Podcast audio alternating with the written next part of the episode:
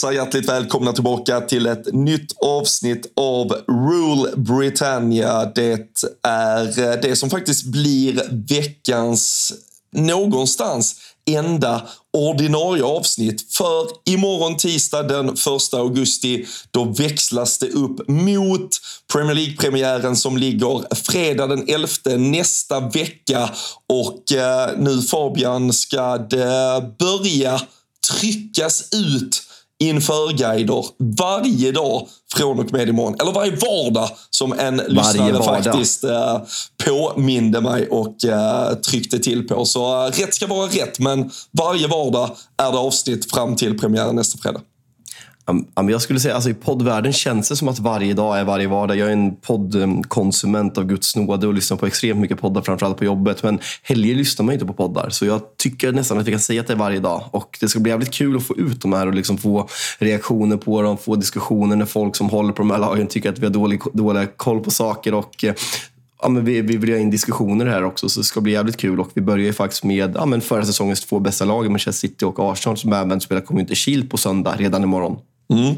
Nej men precis, eh, först ut eh, och eh, det är inte så att vi kommer gå uppifrån och ner i tabellen i övrigt utan det, det kommer vara en ganska frisk mix av hur avsnitten kommer ut. Men vi kan väl säga att varje avsnitt ändå har segmenterats lite hur vi har parat ihop lagen. Det kan till exempel vara då de två bästa från förra året, i, i det här fallet City Arsenal. Det kan vara lag som kanske jagar lite revansch, lag som med, ja, men med små marginaler klarar klara sig kvar förra säsongen och så vidare. Så det, eh, man, eh, man kommer nog eh, att kunna ta till sig en hel del matnyttigt men Sen lite som du sa där, det, det, det är ju kul. Jag såg direkt det var någon Newcastle-supporter som var skrev till oss på eh, Twitter och eh, undrade liksom, ja men är det, är det den här 17-åringen ni lyfter fram och sådär? Och jag, jag förstår ju, är man det laget man kanske själv är om vi säger, mest initierad i så kanske man inte känner att det är raketforskning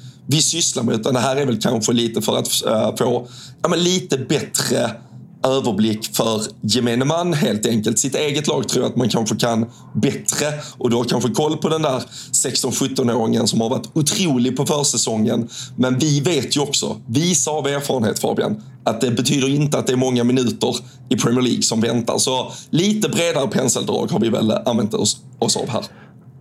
Ja, men det har vi verkligen försökt. Och sen måste vi dra den här brasklappen. Vi gör det även i några avsnitt, men det här spelades in i eh, mitten av förra veckan, eller slutet av förra veckan. Och eh, Därför kommer vissa saker att inte vara aktuella. Vissa värvningar är inte med. Exempelvis Rasmus Höjlund som vi ska diskutera mer idag var inte klart när vi spelade in United-avsnittet. Så mycket har ju hänt.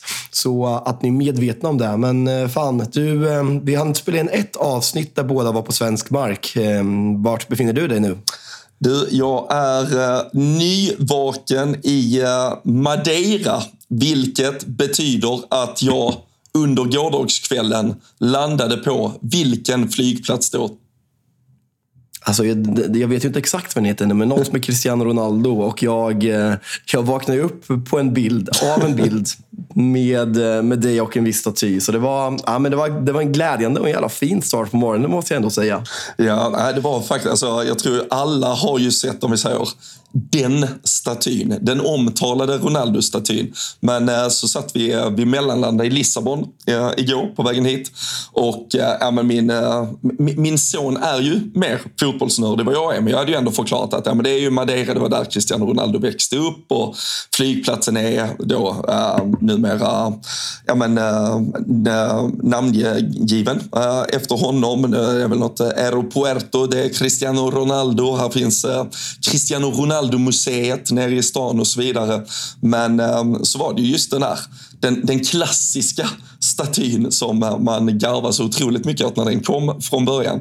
Men tydligen så har den då blivit eh, uppdaterad. Eh, så det skulle vara en lite bättre staty. Den som då stod eh, utanför flygplatsen i ankomsthallen eh, här när vi landar på Madeira.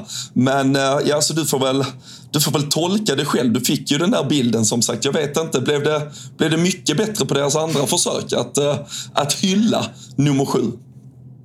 Alltså, den är ju absolut lite bättre, men jag, jag, det är fint att få en förklaring här. För jag, jag vaknade upp och jag bara, fan, det där känns inte som den. Den känns ju snyggare. Den känns inte lika ihoptryckt i ansiktet. Men det är, fascinerande med de här statyerna, att de kan vara så jävla dåliga 2023. Det finns ju flertalet eh, exempel på. Vad, vad har vi för fotbollsspelare som har flygplatser namngivna efter sig. Jag, jag vet, I Belfast har de ju George Best. Har vi någon mer i Europa eller är det Krickan och George Best? Um, nu, nu var ju jag själv i Budapest där allting heter Ferenc Puskas känns det som. Jag vet fan om flygplatsen uh, gör det.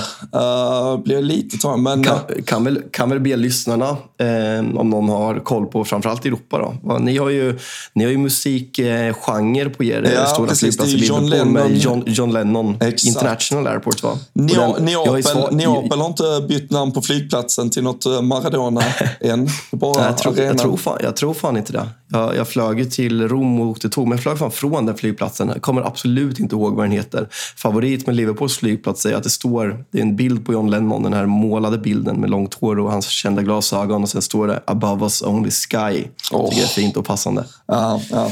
Det, det, absolut finaste med Liverpools flygplats annars är ju att man slipper Manchesters flygplats. Det, det är ju deras... alltså, den är bättre alltså, nu. Har du, har du rest alltså, den, den, den, Sist jag reste därifrån, när jag såg Barcelona i, i februari, när det där, var en ny terminal helt öppet. Och det var topp top tre bästa flygplatsupplevelser jag någonsin haft. Så det, det kan vara ett minne blott hela jävla skitsnacket om Manchester Airport. Ja. Jag kan ha haft tur, jag vet inte. Men ja. allt var fräscht, securityn gick bra och sen var det fräscht där inne. Så vi, vi håller tummarna för Manchester. Ja, det, låter, det låter för bra för att vara sant, men äh, jag hör vad du säger. Jag ser fram emot äh, att äh, testa det i höst och se hur, hur bra det verkligen är. Men nej, kommer man på några bra olika sådana namn på, det kan väl vara flygplatser, men annars också andra större grejer där det har blivit omnämnt av fotbollsspelare så får man dela med sig av det. Och jag kanske kan, Eh, kanske till och med att vi ska slänga upp Ronaldo-statyn som eh, omslagsbild så att folk får, får njuta av både hans och mitt vackra ansikte där. Så vi, eh, vi, vi, vi ser vad det blir av det. Men jag ska spendera några dagar och, eller ja, en och en halv vecka lite drygt här nere på Ronaldos födelseplats och kanske blir lite mer rapporter kring, man satsar ju såklart i taxibilen. Han sitter där i tre minuter. Han pekar upp mot någon upplyst kyrka och säger det var där, det var där Cristiano Ronaldo föddes. Så, uh, ja, jag, är, jag, är, jag är försiktig uh, inför vad som väntar den uh, närmsta tiden. Men du, från en uh, stor då Manchester United profil får vi väl ändå kalla honom till då. Det du tassade lite kring att det kan vara en ny superstriker på väg in och nu verkar väl allt vara klart med det där paketet som ser ut att kunna landa på 85 miljoner euro för Rasmus Höjlund. Ungefär 10 miljoner euro per mål han har gjort i en topp 5-liga i Europa, Fabian. Är det, är, det, ja, är det dags nu att eh, plocka hem danskjäveln? plocka hem allt. Nej men fan, jag, eh, jag var på festival i Norrköping i tre dagar om ni undrar varför min röst är lite sådär. Så jag fick ju den här nyheten i lördags eh, och bara, men fan, några, några drinkar in absolut, men det kändes väldigt bra och grejen är så här, det har varit en svår situation med den här anfallsjakten under väldigt lång tid. Antonio Martial värvades ju på ett men ett liknande sätt får man ändå säga. Ehm, det var ingen riktigt som visste vem det var. Man tog honom på deadline day. Det var väldigt mycket pengar för en ung anfallare som inte hade gjort så jävla mycket i Monaco förutom en bra säsong. Det påminner ganska mycket om det. Sen, jag vill bolla över frågan till dig, för jag blir liksom... Jag har sett att många United Twitter nu och jag, jag, kan fatta att man, man kan störa sig på den här eh, åsikten för att man liksom vill lägga över så att det liksom gynnar en själv och liksom, eh, vad man är ute efter och skapa för agenda. Men folk pratar ju om, hade man värvat Harry Kane för 100 miljoner pund så är det en lön på 550 000 i veckan medan Höjlund sägs tjäna knappt 100 000 pund i veckan. Så liksom drar man ut paketpriset på den här övergångssumman där 10 miljoner euro är klausuler tillsammans med lönen över det här sexkontraktet så blir det en, ja, men en fruktansvärt stor skillnad ekonomiskt om man exempelvis hade värvat Osimhen och Harry Kane. Tycker att man, kan man diskutera fokuseras det för mycket på övergångssiffrorna och för lite på liksom paketpriset med allting? Ja, men det gör det. det. Det är väl för det första två det. Du och jag har ju varit eh, tydliga med att eh, det här med att det, det, det är inte våra pengar. Så det, det, finns ju en, ja, men en fot att stå på där man säger liksom, ja, men betala, hellre, betala hellre mer och få ut bäst möjliga. Men om vi bara ska jämföra så är det ju viktigt att vi inte jämför äpplen på Det var ju, det var ju kanske det absolut alltså, värsta man såg under hösten förra året när Håland sprang iväg i målskyttet. Darwin Nunes som bekant slet lite mer med sitt. Och Cityfansen då som lite lök på laxen ville få det till att Håland var billigare än Darwin Nunes för att han hade ju köpt till Exakt. utköpsklausul medan Darwin Nunes då kostade uppåt miljarden. Men man sen då helt enkelt ignorerar faktumet kring att ja, men pappa Håland skulle väl ha 200 miljoner, Mino skulle ha 200 miljoner, lönen var väl fyra gånger så stor som Nunes och så vidare. Så det är är klart att man måste väga in, om man nu är lagd åt det hållet, att man verkligen vill bedöma spelare utifrån vad de kostar. Då kan du inte bara titta på prislappen. Då får du ju absolut göra ja, Chelsea-bokföringen och eh, verkligen eh, ja, men, eh, hacka upp den där eh, pengapåsen och lägga den på vad månadsavgiften är. Och eh, precis som du säger så kommer Höjlund inte vara så jävla dyr som om man bara hade stirrat sig blind på prislappen. Så det, det köper jag ju till 100 procent.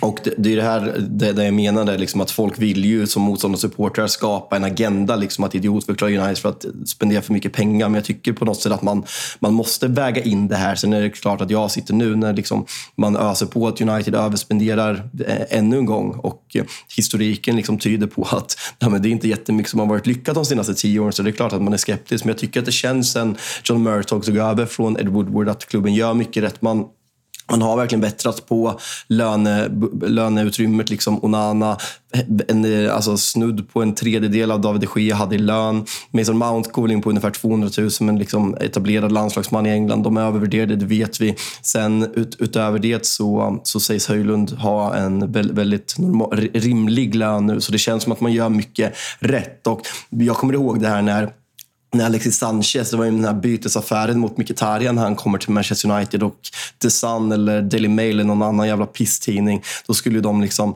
väga ut det här att det, det var, det var minsann inte alls gratis. Man skulle väga in vad um, Alexis hund, han skulle få hundmat också. Så man skulle ju räkna ut hur mycket hundarna skulle få. Och sen med lönen och sign-on. Och sen så, då var det jätteviktigt att visa hur mycket Alexis skulle kosta över tre säsonger. Inte någonting att det var en gratis övergång för att, man, för att Mkhitaryan gick den andra vägen. Så det, där, det handlar om agender och det handlar om supportskap. Jag köper det. Och vad fan, det, det är klart att det är jättemycket pengar för en spelare som har visat så lite. Men sett till alternativ given. Så jag, ja, men jag är spänd, väldigt, väldigt spänd på den här värmningen. Mm.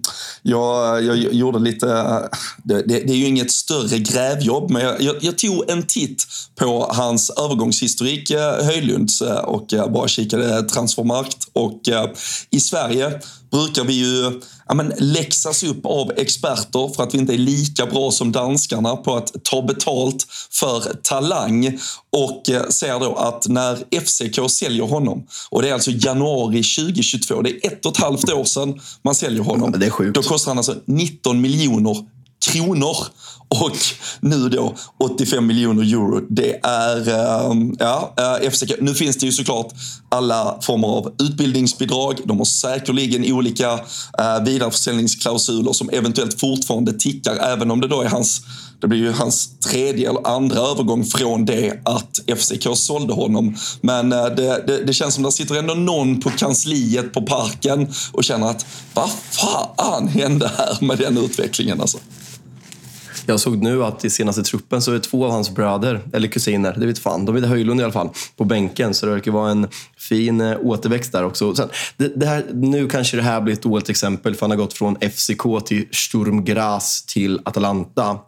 Men, men att United värvar två spelare för ja, men, eh, över miljarden den här sommaren där den ena var tillgänglig gratis förra året. Och Jag tycker att man borde ha sett tidigare att det sker ingen framtid för Manchester United. Onana fanns där och jag vet att det var klart innan Ten Hag tillträdde men ändå att man inte utforskar det där och liksom signar Onana på fri transfer. Och nu även ja, men Höjlund som lämnade, för, lämnade Sturmgras för att gå till Atalanta och nu så ja, men fem dubbla man, eller om det är sex, sju dubblar till och med övergångskostnaden ett år senare. Att man aldrig kan lyckas göra de här värvningarna tidigare. Att man, att man alltid hamnar i den här situationen. Det, det är fascinerande. Men, ja, men nu, det, nu väljer jag glädjen istället. Ja, och jag, nej, men jag satt och tänkte på det och den, den är ju så jävla svår för nu man kan ju, eh, man kan, eh, jag sprang på något när någon raljerade lite kring att det är ju fel att typ värva Höjlund nu. Istället skulle man ju värva El Bilal Touré från Almeria som är den som Atalanta värvar för att ersätta. Om man då så vill bara visa hur ja, men typ hur fotbollshierarkin ser ut. Att nu plockar Atalanta någon annan för ungefär en tredjedel av pengarna de hade, eller fick in på Höjlund. Och så ska det då stå på lite återväxt här i ett, två år och sen kommer man sälja honom. Men både du och jag vet ju också att ingen supporter i hela världen hade gått med på att det var Höjlund från Stormgräs. man värvade. Hur mycket varenda jävla scoutrapport och hur mycket varenda spider och varenda jävla parameter hade antytt att Rasmus Höjlund redan förra sommaren var the real deal. Så går det inte att värva en anfallare från Stormgräs och ge nummer nio i Manchester United.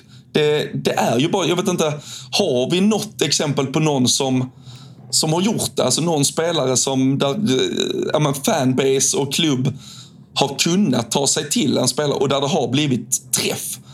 Där spelaren inte har gjort mellanåret. Det har kostat 500 miljoner, men det måste ju till tyvärr.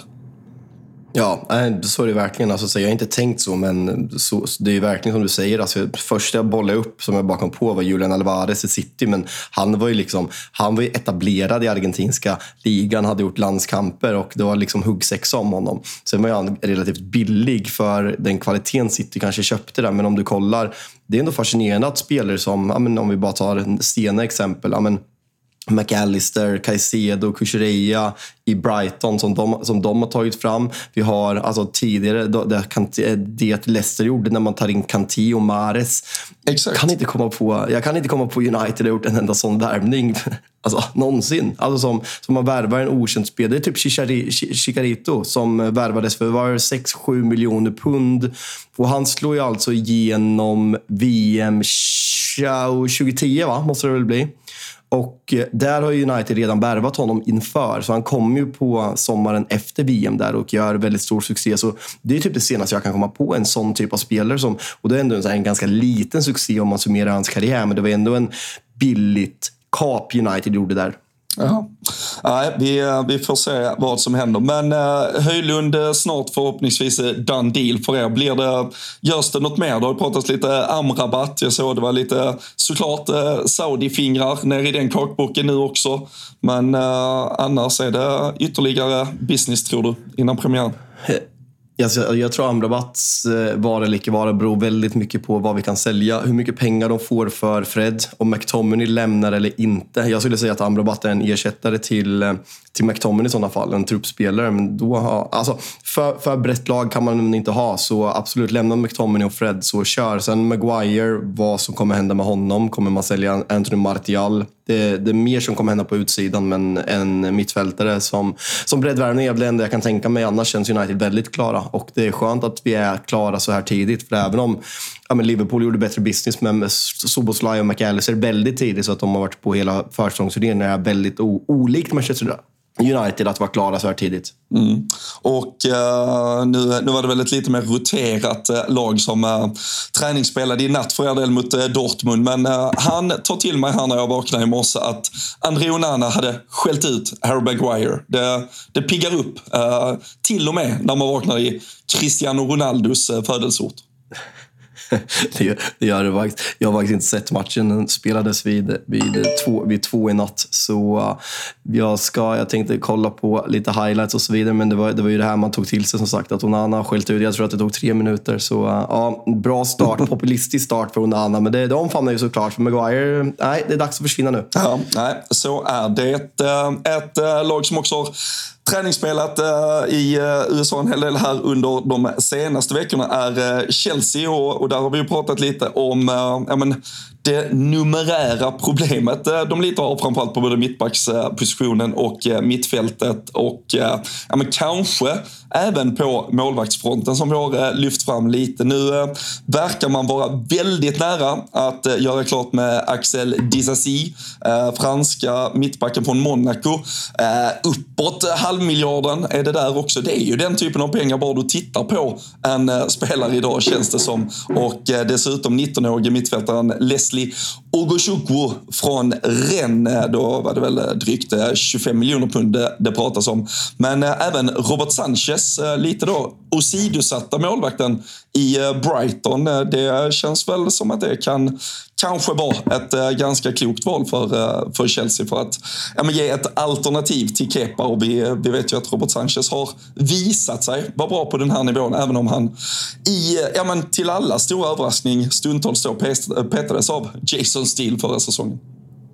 Ja, och där har de ju tagit in ännu en ny målvakt i, i Brighton, så han lär ju inte ha någon framtid där. Så, och Kepa, ja, nej, jag, jag, jag tror inte att han någonsin kommer vara tillräckligt bra för att liksom vara ett lag som vinner, ja, men som slåss om de stora titlarna. Så där behöver Chelsea göra någonting. Och sen om det är en långsiktig eller kortsiktig lösning, det vet jag inte riktigt. Men fan, jag tycker man ser på ja, men Daniel som, som gästade oss och även liksom hela eh, Chelsea Sweden-communityt att eh, att det börjar bli, man börjar bli riktigt taggad på säsongen. Det känns bra under eh, Pochettino och att eh, ja, men man har fått svar. Mudryk har sett bättre ut på försäsongen än vad gjorde förra året. En Kuku gör väldigt mycket mål och det ser väldigt bra ut. Så jag tycker att det känns som en del saker börjar liksom ljusna i Chelsea-led och det ska bli, eh, ska bli kul att se liksom om man får in det där och kan bredda den där truppen lite. För vi, vi har varit inne på det tidigare, som du sa, men Fofana out så är det tunt på den här mittbackspositionen så den är väldigt viktig. Såg du också att det var någon som skrev att det var ingen annan klubb som var riktigt nära Disasi.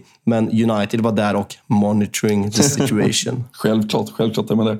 Och, Jajamensan. Jajamensan. Nej, nej, men jag såg också, det var någon som skrev till oss på Twitter att vilken jävla säsong vi har framför oss. liksom, United-fansen har hybris, Arsenal-fansen har hybris, uh, United-fansen har uh, hybris och uh, Chelsea-fansen börjar fan till och med de få hybris trots sitt utgångsläge från förra säsongen. Och så vet vi att Manchester City ändå kommer stå överst på toppen och ta hand om den där ligan i lugn och ro. Men det, det är väl det är ju det här vi lever på ändå. Eh, alltså hoppet som sen ska släckas efter två veckor. Men eh, fan vad bra man mår just nu när man sitter och ser tendenser och eh, lägger pussel och målar upp drömbilder av vart säsongen kan barka.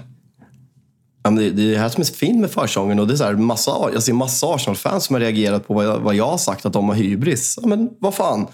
Ha hybris. Det är försäsong. Man ska ha hybris. Det är det som är fint med supporterskap. Jag har också hybris. Vad fan. Låt mig ha det. Jag låter er ha det. Men jag kan fortfarande nämna till en podd att, att man ser en, en tongång och en jargong på Arsenal Twitter som inte har funnits på tio år. Och fan med rätta. Men eh, man måste få ha hybris. Jag måste få säga att man har en hybris också.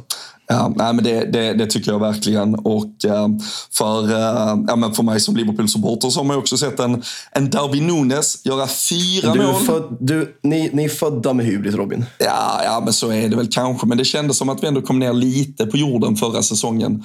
Uh, vissa av oss i alla fall. Sen, uh, sen, sen, sen svävar vi alltid där lite uh, above us only sky, som, som Lennon sjunger. Men vi, ja, men vad fan, jag tycker vi har varit lite lite resonabla stundtals. Men när Darwin Nunes stänker dit fyra mål och en assist på tre halvlekar. Mohamed Salah, ett mål och fem assist på eh, lika många halvlekar. De två har spelat eh, ja, men all försäsongsfotboll tillsammans. Klopp har ju verkligen växlat hela elvor de här första tre matcherna i, i paus de flesta gångerna här. Men den, den duon du, är det världens bästa inför kommande säsong? alltså, Dar Darwin... Alltså, på tal om, du var inne på spiders och sådana saker. Och såg man, jag kommer ihåg när man spelade FPL, framförallt efter VM-uppehållet när man satt för den där jävla dåren i laget. För han kom till så jävla mycket chanser och, och allting, men han fick ju aldrig in bollen. Så jag har ju varit sagt ganska tidigt med Darwin Nunes. Jag kommer ihåg förra året att det var en jämförelse med United-supportrar. Att United-supportrar tyckte att det var jobb, eller jobbigt, varit irriterade på att folk klagade på Anthony med hans prislapp men att Darwin Nunez inte kanske fick lika mycket skit, vilket jag absolut kan tycka att han fick. Men ska man se så här, vem som jag tror kommer ha en bäst framtid i sin klubb så ser jag som Darwin Nunez. För jag ser väldigt mycket egenskaper som passar i den engelska fotbollen. Sen att han verkar ha ett IQ på minus 10, det är en helt annan sak. Men kan han liksom komma in och lära sig kanske att kommunicera lite bättre, kunna bli lite lugnare. Han ska ha kvar sin, den här ja, men, uruguayanska psykfallsådra, men han måste kunna hantera känslorna på ett bättre sätt. Och liksom, kan han komma in i laget och göra den där positionen till sin så tror jag att han kommer vara otroligt viktig för, för Liverpool eh, långsiktigt. Så eh, den här andra säsongen, ja, men för både Anthony och eh, Nunez tycker jag ska bli väldigt kul att se. Ja, jag gjorde lite snabb eh, överslagsräkning här bara. Ifall han håller sitt målsnitt då från de här första tre försäsongsmatcherna under Premier League-säsongen. Då kan Erling Haaland ta sitt rekord och sätta sig ner. 101 mål går Nunes mot kommande säsong. Det, det, känns, väl, det känns väl förtroendeingivande i alla fall. Ja, nej, men det här kanske att man ska, på tal om FBL, sitta med honom i början. Men fan, det, det, det som jag har reagerat mest på den här veckan, som verkligen kom som en chock, var inte det ändå när, när Ornstein kavlade ut igår att ja, men att Arsenal är väldigt intresserade av Raja i mål och liksom vill, vill öka en konkurrenssituation till Ramsdale och att Bayern Münchens försök att låna honom inte går igenom och att eh, man ska ha 40 miljoner pund. Men alltså, Ramsdale har gjort det, alltså så här, många höjde på ögonbrynen när man värvade honom för två år sedan, men han har gjort det fenomenalt bra. Och jag, jag vet många Arsenal-supportrar som, ja, som håller honom som förra säsongen som bästa målvakten i ligan. Att man då ska ta Ja, men Raja, alltså konkurrenssituation, absolut. Men Raja är ingen andra målvakt. Och Ramsdale är i grund och botten inte heller en andra målvakt. Sen går det väl att diskutera, är, är Ramsdale tillräckligt bra för ett lag som ska vinna allt? Mm, mm, ja, kanske. Jag vet inte. Men är Raja det? Vet inte heller. Det känns som två väldigt jämnbördiga målvakter och väldigt mycket pengar för att värva en exakt lika bra målvakt. Eller vad missar jag något här eller? Nej, och jag tror eh, det, det, är väl i eh, ett av de eh, inför införavsnitten när vi, när vi snackar Brentford som vi, som vi adresserar det här kring eh, Raja och då får vi väl se hur aktuellt det är när, när avsnittet kommer. Men där det, det, där det så tydligt kändes efter eh, fjolårssäsongen att nej, men nu kommer man använda sommaren till att eh, hitta en ny klubb till Raja. Eh, man plockar in en ny eh, ja, men potentiell förstemålvakt dessutom. Och eh, det har ju varit lite, ja, men bara en, en evig väntan här under sommaren på vart han skulle ta vägen. Bayern München fanns tidigt med i, eh, i snacket men verkar väl vilja titta på någon lånelösning och att man kanske först nästa säsong i så fall skulle slanta upp för honom och det har ju inte Brentford varit intresserade av. Och sen, sen har ju alternativen, alltså ja, men klubbvalen blivit färre och när man har försökt lägga egna pussel så har man ju tittat på lag som eventuellt saknar en tydlig första målvakt. Det var ju ja, men ett av namnen som nämndes kring, kring er till exempel om ni skulle byta, byta ut David de Gea gjorde man då. Mm. Alltså, ja, men Dominus-spel. Spurs också tidigt. Spurs till exempel. Och när då Inter till exempel tappade Onana till er istället så tänkte man, ja, Raja till Inter, kanske. Och sådär. Men att Arsenal skulle gå in där och precis som du säger, ha inför den här säsongen två så pass bra målvakter som ska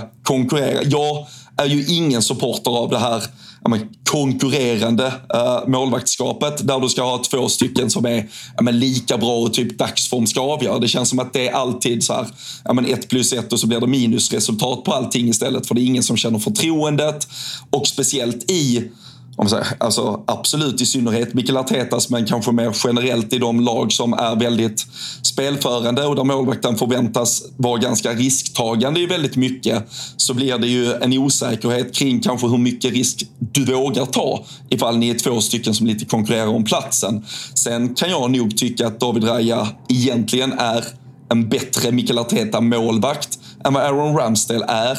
Men det känns ju precis som du är inne på hur han lyftes fram förra säsongen som ett väldigt ja, men stort steg att ta. Samtidigt så är det också så här, alltså det är ju det här handlar inte om att kill your darlings, men, men vill du bli bättre så kan du ju aldrig nöja dig med något som är 4 plus när du letar 5 plus. Sen precis som du är inne på, jag vet inte om David Raya är 5 plus, men jag tycker ändå det visar styrka och att Mikael Arteta nog har fått den totala makten i det där laget på gott och ont. Att ja, men behöver du göra förbättring så får det kosta lite vad det kosta vill. Och det får betyda någon som blir jävligt ledsen, sur och besviken också. Så eh, det, det skulle vara ett styrketecken tycker jag ifall Arsenal ror i hamn den här affären. Men eh, jag är ändå lite frågande till hur de ska hantera det om den väl faller på plats.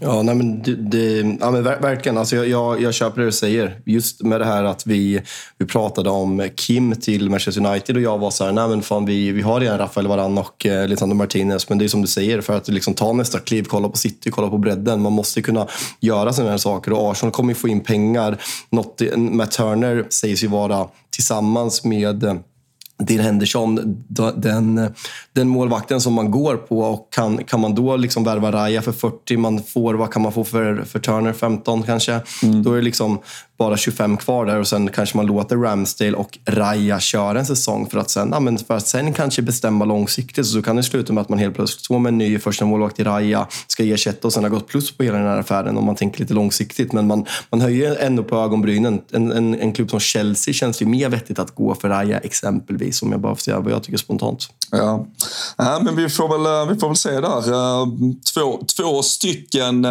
ja, men målvakter lite i samma kategori där, sen, sen lite olika fjolårssäsong. Men då både Robert Sanchez och, och David Raya som, eh, som kommit fram och eh, som kanske är ja, men redo att, eh, att ta lite större kliv. Sen, sen ser det väl ut, oavsett om det blir Chelsea eller Arsenal och vem som, vem som till slut går vad, så är det väl konkurrenssituation. Hur är du generellt av det, till den här då, bara inställningen med två målvakter som någonstans ska, ska slåss om platsen? Är du, är du för sådana små påhitt eller är du mer som jag att det känns som att det inte ofta ger så jävla mycket mervärde. Alltså i grund och botten inte. Alltså David, David Mitov som stod i mål i Sirius till vardags gästade Tuttosvenskan om det var förra veckan. Och då pratade de lite om den här med ja, konkurrenssituation på målvaktsposten och han sa ju att han, han vill gärna ha liksom en konkurrenssituation för att man liksom pushar sig själv på träningarna hela tiden. Men sen tror jag också att man ska absolut ha en konkurrenssituation. Att målvakten ska inte vara helt oduglig. Alltså ni, ni har ju ändå, alltså Alisson är dunderetta, men Callagher har ju ändå kommit upp och gjort det jävligt bra. Samma i City nu när Ederson har varit given första målvakt och man har fått in Ortega där som också gör det väldigt bra. Sen om vi tar Manchester United nu har Dean Henderson varit utlånad, men som förra året. Först var det Dubravka och sen var det Tom Heaton. Det är så här, de Gea är så fruktansvärt etta så att mm. det går, alltså så här, det finns inte. Det tror jag kan vara skadligt. När det är liksom, jag tror att det, är en så här, det ska vara en tydlig etta, men jag, jag, jag, vill ändå att det ska finnas en, hög, en, en, en väldigt kompatibel andra målvakt där, där bakom som ändå kan pusha honom. Och om han är dålig för många matcher så kan han hoppa in och göra ett bra jobb. För jag tror att det är lätt att bli bekväm, men sen samtidigt som dig, finns det två för bra målvakter, som du säger, då tror jag att målvakter att, att man, man vill ha självförtroende, man vill inte känna den här pressen och framförallt inte ja, men, dagens målvakt som vill spela ett ganska högt riskspel med fötterna. Om man då känner att om jag slår bort den här bollen och de gör mål, då kanske jag blir petad nästa match. Det tror jag är väldigt skadligt. Det är samma som, som mittbackar. Mittbackar behöver få matcher för att liksom komma in i det och liksom lära sig att spela tillsammans med sin partner. Och Det är där Liverpool har haft problem med sina säsonger, att man inte haft ett ständigt mittbackspar. Det är bara att kolla på de lagen som är bäst i världen. Kolla vad som hände med Arsenal när Saliba gick sönder för förra året. När Saliba och Gabriel spelar var de i stort sett oslagbara. Så målvakter och mittbackspositioner vill man ändå ha ja, men en trea som spelar ja, men de flesta av matcherna. Ja. Nej, jag, jag, jag har aldrig riktigt sett, eh, sett eh, storheten eller eh, för, fördelarna med den där konkurrenssituationen. Vi har ju, har ju till och med haft ett, ett, ett sånt scenario lite i svenska damlandslaget med tanke på att det ändå är lite VM-feber just nu där, där man inte inför mästerskapet var tydlig vem som skulle vara etta och sådär. Och det känns, när man har lyssnat på båda de två måltavlorna, så är det ju ingen som riktigt har kanske uppskattat den situationen. Jag vet inte riktigt några. Och det känns som att Mendy och Kepa, det var ju snarare beroende på vem som tränade dem och så var det den ene kastades under bussen till, eh, efter, efter någon situation och så lyftades den andra och sen eh, så var det ombytta roller och man fick ingen klarhet alls i eh, vad, vad någon egentligen tyckte och vem som hade förtroendet någon gång. Så nej, vi, vi får se, men spännande om Arteta vill försöka. Han kanske går på Barcelona hade väl i alla fall uttalat några säsonger där man hade en, om man säger, en ligamålvakt och en kuppmålvakt. Eh, och med tanke på att man ändå går ganska långt i ganska många kupper så kan man ju i lag av den digniteten kanske ändå garantera då 15-20 matcher även till kuppmålvakten. Det skulle väl i så fall vara ett, ett sånt alternativ att gå på, men jag vet inte vad fördelen skulle vara att inte då ha sin bästa när någonting ska avgöras Sitt, på något City, håll. City har väl gjort den. City har väl typ också gjort den, förutom han har ju spelat FA-cupen och ligacupen. Ja, och där, eh, alltså, så, så har lite Liverpool gjort också. Men jag tror alltså, ja. tittar du på Barcelona så hade de väl till och med, det var väl, är det Ter Stegens första säsong när de kanske har Claudio Bravo fortfarande också. Då tror jag väl att Bravo står i eh, ligaspelet, men att uh, Ter Stegen står i Champions League. Eller om det är ja, vice versa. Det, det, här, det ringer verkligen klocka. Jag skulle säga att Mahrez är klar för Saudi om vi går över till City lite. Eh, tänkte bara, du som har gjort din föravsnittet på på Sheffield United, James eh, McAtee. Tror att vi kommer att värva in någon ersättare eller kommer vi få se McAtee i, i en sån här roll i år och vara med och konkurrera? Nej, men jag, jag tycker att uh, Pep uh, pratar ganska uh, klokt. jag, skulle, jag tänkte vara taskig så här för en gångs skull. Så, så, är det ju absolut inte. Det hade varit för mycket supporterskap som, som speglades i den kommentaren i så fall. Men, nej, men han förklarar att, att Mares, det, det, blev väl oundvikligt kanske för dem att släppa honom för, för de pengarna och, och vad han ville när han nu går till Saudi. Men, men sen också att marknaden är ja, men svårare än någonsin och det, det känns väl lite som något man, man har sagt förr, men det finns ju ett eh, visst element som har eh, kommit in och eh, påverkat den här sommaren, vilket, vilket verkligen gör det mycket svårare. Så jag tror att eh, Pep är ganska ärlig i, i det och eh, ganska resonlig när han säger att det är väldigt svårt att eh, ja, men bara få en klarhet på marknaden vilka spelare som överhuvudtaget är intresserade. Vilka är eh, kanske intresserade av fotbollsmässiga stora projekt kontra väldigt stora lönekuvert. Eh, City har väl någorlunda fördel i att de kan erbjuda typ både och. Men eh, det är klart att det är en, en förändrad fotbollskarta vi, vi har där ute och eh, jag, jag tror att City ändå kommer vara ganska avvaktande uh, i de där uh, offensiva positionerna och uh, precis som vi pratat om tidigare invänta kanske vad som definitivt händer med Bernardo Silva för att, för att kunna hitta två väldigt, väldigt bra spelare som om vi säger eh, like for like ska ersätta både Redmares Mahrez och Bernardo Silva. Det kommer nog inte gå, utan jag tror han avvaktar och ser ifall det är en som försvinner eller båda försvinner och det nog kommer styra hur mycket eh, man kommer behöva spendera ute på marknaden för att hitta ersättaren. Då, då kanske, om man släpper båda de två, så kanske det blir en riktig jävla håll värvning här i slutet av fönstret. Annars kanske man är nöjd med att bara fylla på, om vi säger den offensiva bredden, kunna ge, och det vet vi att det finns utrymme till fler minuter även till spelare som ja, men Phil Foden till exempel. Men sen då där bakom i, i, i hierarkin spelare som eh, du nämner McAtee, eh, där är Palmer, där, där finns fler av de, de egna spelare som så mycket väl kan börja växlas in. Men äh, ja, det, det är ändå lite uppfriskande att Pep Guardiola och Manchester City känner att det är en lite svår terräng där ute på marknaden och att äh, allt inte är så jävla lätt för dem heller. Ja, men det piggar upp. Såg i morse nu också att eh, Dembélé ska ha accepterat att gå till PSG. Ja. Så um, vad, det, vad det gör med, um, med Bernardo Silva och tror jag Barcelona lär väl inte kunna lägga de pengarna och PSG har väl pratats om som ett av de enda rimliga alternativen. Så känns, känslan, om man får gissa nu, är att han blir kvar mot sin vilja för tredje året i rad, eller vad fan det är nu. Ja, han, eh, det, det är han och jag som, eh, som hatar Manchester i alla fall. Det, det känns, det, det finns inte mycket jag uppskattar med Bernardo Silva i övrigt, för, förutom om jag är väldigt objektiv positiv, hans fotbollsspelande. det ska vi verkligen understryka. Men att, att han känner ett sånt uh, genuint hat till Manchester, det gör att jag, jag ändå kan uh, känna lite med honom. Jag, faktiskt. Jag vet ju att du har haft en av dina, dina livskvällar på Warehouse Project när vi såg Erik Prytz i Manchester, så lite kärlek till staden måste du ändå ge. Ja, det, det, det, är min bästa kväll i Manchester, så, så är det i alla fall. Men äh, också enda. Så, äh, där, äh, nej, men nej, vi, vi får se vad som händer för Manchester City offensivt. Vi, vi har även Saint Maximin som lämnar Newcastle för, för Saudi och det har vi ju pratat tillräckligt om tidigare tycker jag, så det är väl inget att fastna i. Men det, det var, det var uppfriskande att, att se honom kalla sig eh, att han har blivit en true Geordie i alla fall och eh, tagit till sig stan. Och det jag kan verkligen uppskatta, det är ju lämna på topp. Jag vet inte om han personligen är på sin toppnivå, men att göra hela resan, att säkerställa fan att det inte blev en nedflyttning när det såg som allra värst ut för det där Newcastle-laget. Ta dem upp, var med på resan upp till den absoluta toppen. Laget är nu på, ja, på ja, men på, bättre, på ett bättre ställe än vad den typ varit på 25 år.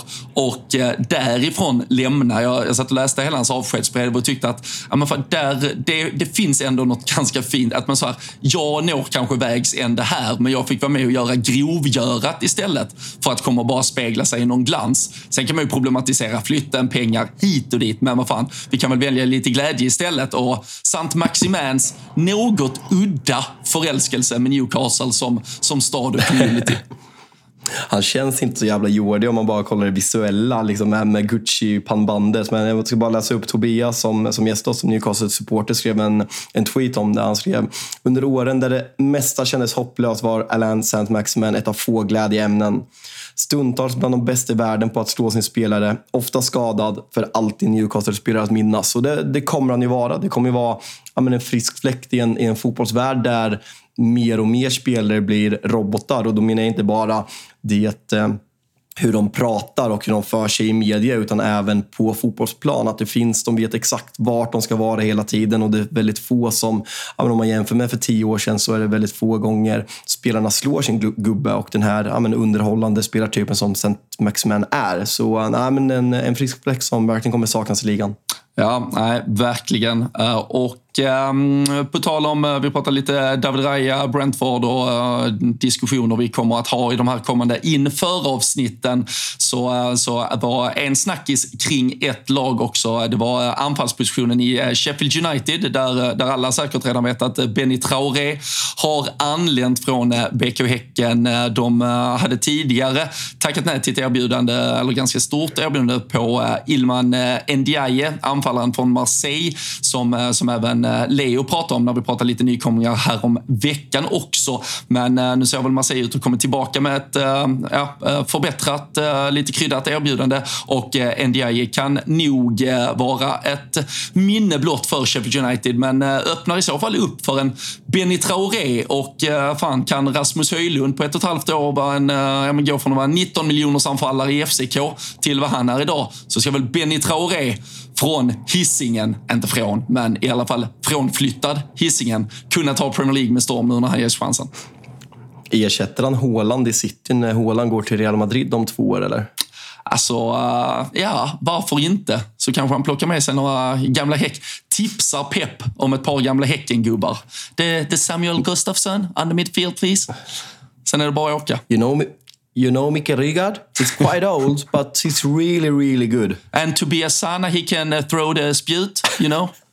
Take him as well. lilla, Häcken-enklaven kommer att ta över Etihad. Det hade man, uh, fan, det hade man betalt dyrt för. Det hade haft något, verkligen. Men uh, på tal om Etihad, måste nämna det. David Silva ovärdigt jävla slut. Dra korsband. Skulle skriva på, eller om man redan hade skrivit på ett ettårskontrakt och skulle göra sin sista säsong, dra korsbandet. Eh, ska, vi, ska vi skita i det, det tråkiga med, eh, med korsbandet och prata hur vi minns David Silva? Hur högt håller vi honom i Premier Leagues historia? Ja, men han, eh, alltså han, han var ju... Eh, fan, fan man, låter, man låter ju gammal när man säger att han var något nytt, men, men han, var ju, han var ju kanske den Alltså jag vet, nu vet jag inte om man eh, så här, snurrar ihop det i tid, men det känns ju som att eh, han var den första riktigt stora mittfältaren efter eran med ja, men, Giggs, Keane, eh, Lampard, Gerard och jag fattar att det såklart rann lite vatten under broar där innan David Silva stod på tronen, men han var ju någonting nytt. Det var inte längre den, den brittiske power-mittfältaren som dominerade Premier League. Han var ju den första säger jag i alla fall, för det är så det känns, mittfältaren som dominerade och dikterade spelplan och villkor med sina fötter och sin hjärna på ett sätt som vi, som vi inte riktigt hade sett tidigare i Premier League. Och eh, återigen, för att gå tillbaka till vad Pep Guardiola pratade om, så, så sa han det att det, det finns ingen som har spelat liksom, me mellan linjer och i ytor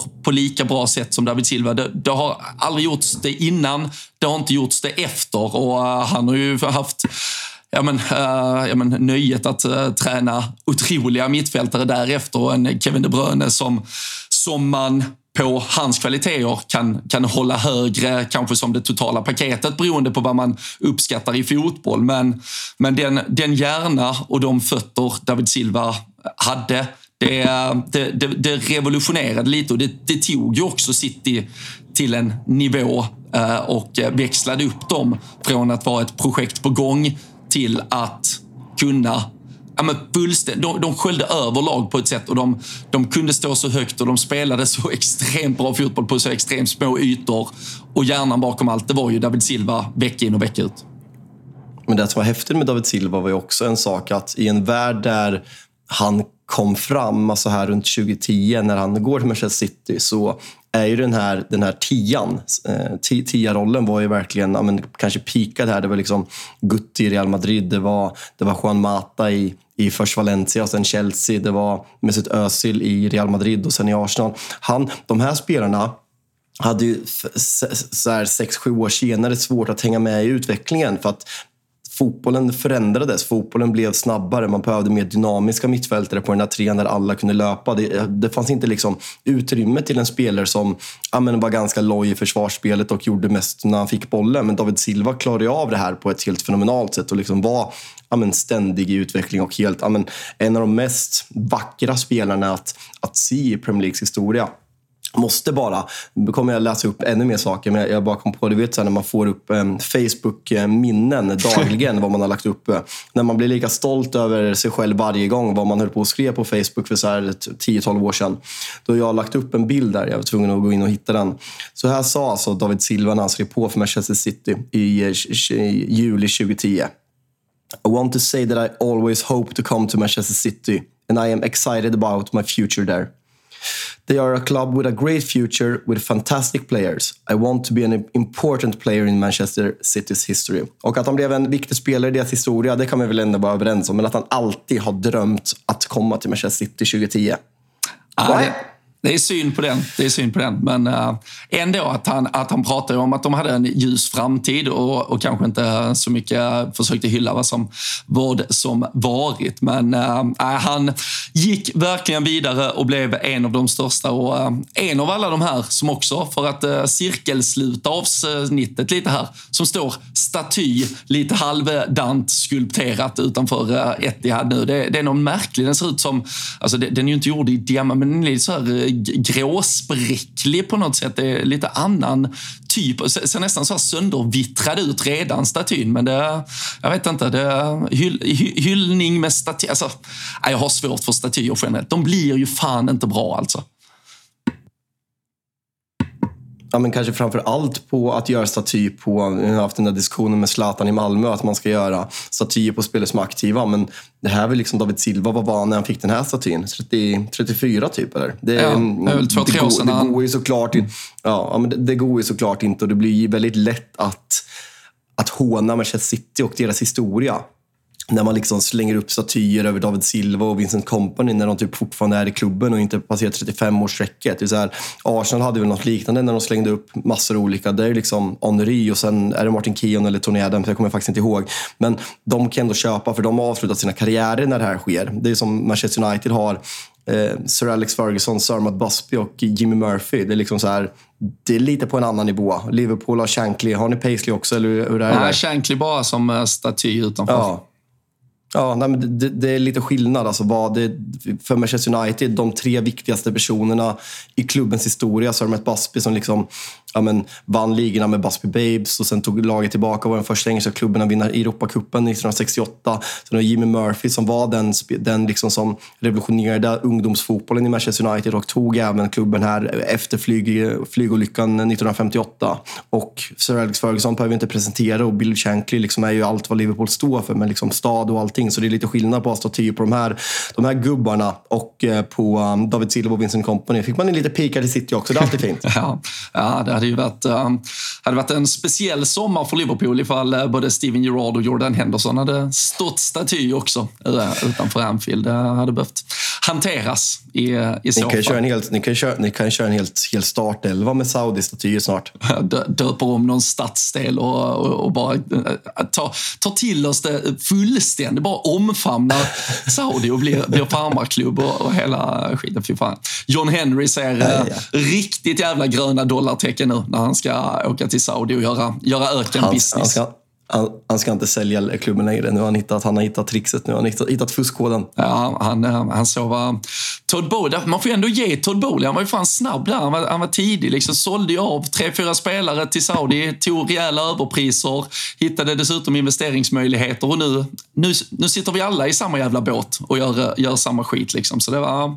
Ja, Bowley eh, var, var kanske... Han outsmartade oss igen. Missförstått geni. Ja, Missförstått geni. Verkligen. Det, det, har vi, det har vi redan gjort Eh, klart i den här podden. Men eh, nu eh, är det snart dags här att avrunda måndagsavsnittet. Plockat ner lite av det senaste som har hänt och sen så ska vi ju låta veckan i övrigt få, ja men helt uteslutande handla om de här inför avsnitten. Tisdag, onsdag, torsdag, fredag. Så nu gäller det ju verkligen att dels följa och prenumerera på podden. Då är det ju Tutto Live ni söker upp och har era spelare. Men eh, fan, klicka igång era notiser också så att ni eh, direkt får ett pling när ett nytt avsnitt kommer. Sen eh, tar vi ner Community Shield som spelas på söndag Fabian. Den tar vi nog ner i alla fall med Pierre. Arsenal ska ju försöka vinna en, en titel och det får vi ju se hur, hur det, är. det har gått kring. Och sen hela nästa vecka fortsätter man de här införavsnitten också. Så det, det, är fan, det är mycket som händer i Rule Britannia-fabriken just nu. Ja, nu är det full fart och eh, vi har faktiskt tajmat in det så att det blir ju faktiskt att vi ska prata om bland annat Burnley i sista fredagsavsnittet. Samma dag som man möter Manchester City i premiären av Premier League och sen så är det bara ja, men full karrietta och att det är en, det är en supermatch redan första helgen med, eh, med Liverpool som möter Chelsea. Eh, ja, men det är två lag med mycket som, ja, men det har känts bra på försäsongen men det är fortfarande mycket frågetecken inför säsongen. Så det är en, det är en väldigt, väldigt intressant start på Premier League-säsongen. Och nu som sagt, nu gnuggar vi på varje vardag fram tills det börjar. Så nu börjar det kännas, nu börjar det kittla på riktigt, vilket känns väldigt, väldigt kul. Ja, ja men verkligen. Och vi, eh, vi gör eh, ja, men både detta, eh, alla avsnitt och framförallt då de här införavsnitten som kommer tillsammans med ATG. De kommer ju att ta våra kloka tankar från de här inför avsnitten och baka ner till en eh, hel lång rad med eh, långtidsspel på alla de olika lagen. Och eh, när väl Premier League drar igång då kommer vi ha tripplar och Big Nine-spel och annat. Men redan nu så finns det lite allsvenska tripplar bland annat från Tuttosvenskan-gänget och går man in på atg.se slash tutto så kan man ju se allting och där kommer även då våra långtidare komma i takt med att de pumpas ut. Så in och kika där. Det är såklart för alla alla som är 18 år fyllda. Det är väldigt viktigt att komma ihåg. Och eh, skulle man ha problem med spelande, då finns ju stödlinjen.se istället. Så eh, spela lugnt och ansvarsfullt, men förhoppningsvis så kan vi hitta något eh, riktigt kul där. Nu tänker jag att jag ska bege mig ut, Fabian. Jag ska försöka hitta fler Cristiano Ronaldo-statyer och så kanske vi har ett stort, ja, men, stor statygenomgång nästa vecka också. Så får vi se om våra lyssnare kan komma på flygplatser eller andra större platser, eh, byggnader i städer upp, eh, ja, men uppkallade och namngivna då efter fotbollsspelare. Gunnar Nordahl utanför eh, Platinum Cars Arena i Norrköping kom jag på. Det är stort ändå. Ja, det är stort. Ja, Kurva Nord. Och också heter ju läktaren Kurva Nordahl. Så riktigt Nordahl-tema Nordahl, här i Peking. Ja, nej, där har ni inte varit. Ni, ni hade inte så mycket heller att hänga upp er historia på, så ni, ni valde en gubbe. Det är bra det. Det funkar det med. Ja, ge det några år så står Totte överallt ska du se. Ja, det är fint. Och så, och så du bredvid. En liten miniatyrstaty kanske. Det tycker jag du är värd. Ja, ja nej, men det, det tror jag verkligen. Alltså, så stor bör man bli i Norrköping så att det är dags snart. Ja, nej, det är underbart. Men vi eh, säger stort tack eh, till alla som har eh, lyssnat in här. Sprid att Rule Britannia rullar och att det som sagt är högtryck med avsnitt varje vardag fram till premiären från och med nu. Så ja, men bara njut av förhoppningsvis lite sista sommarlov, lite semestrar, så, så hörs vi alldeles strax igen.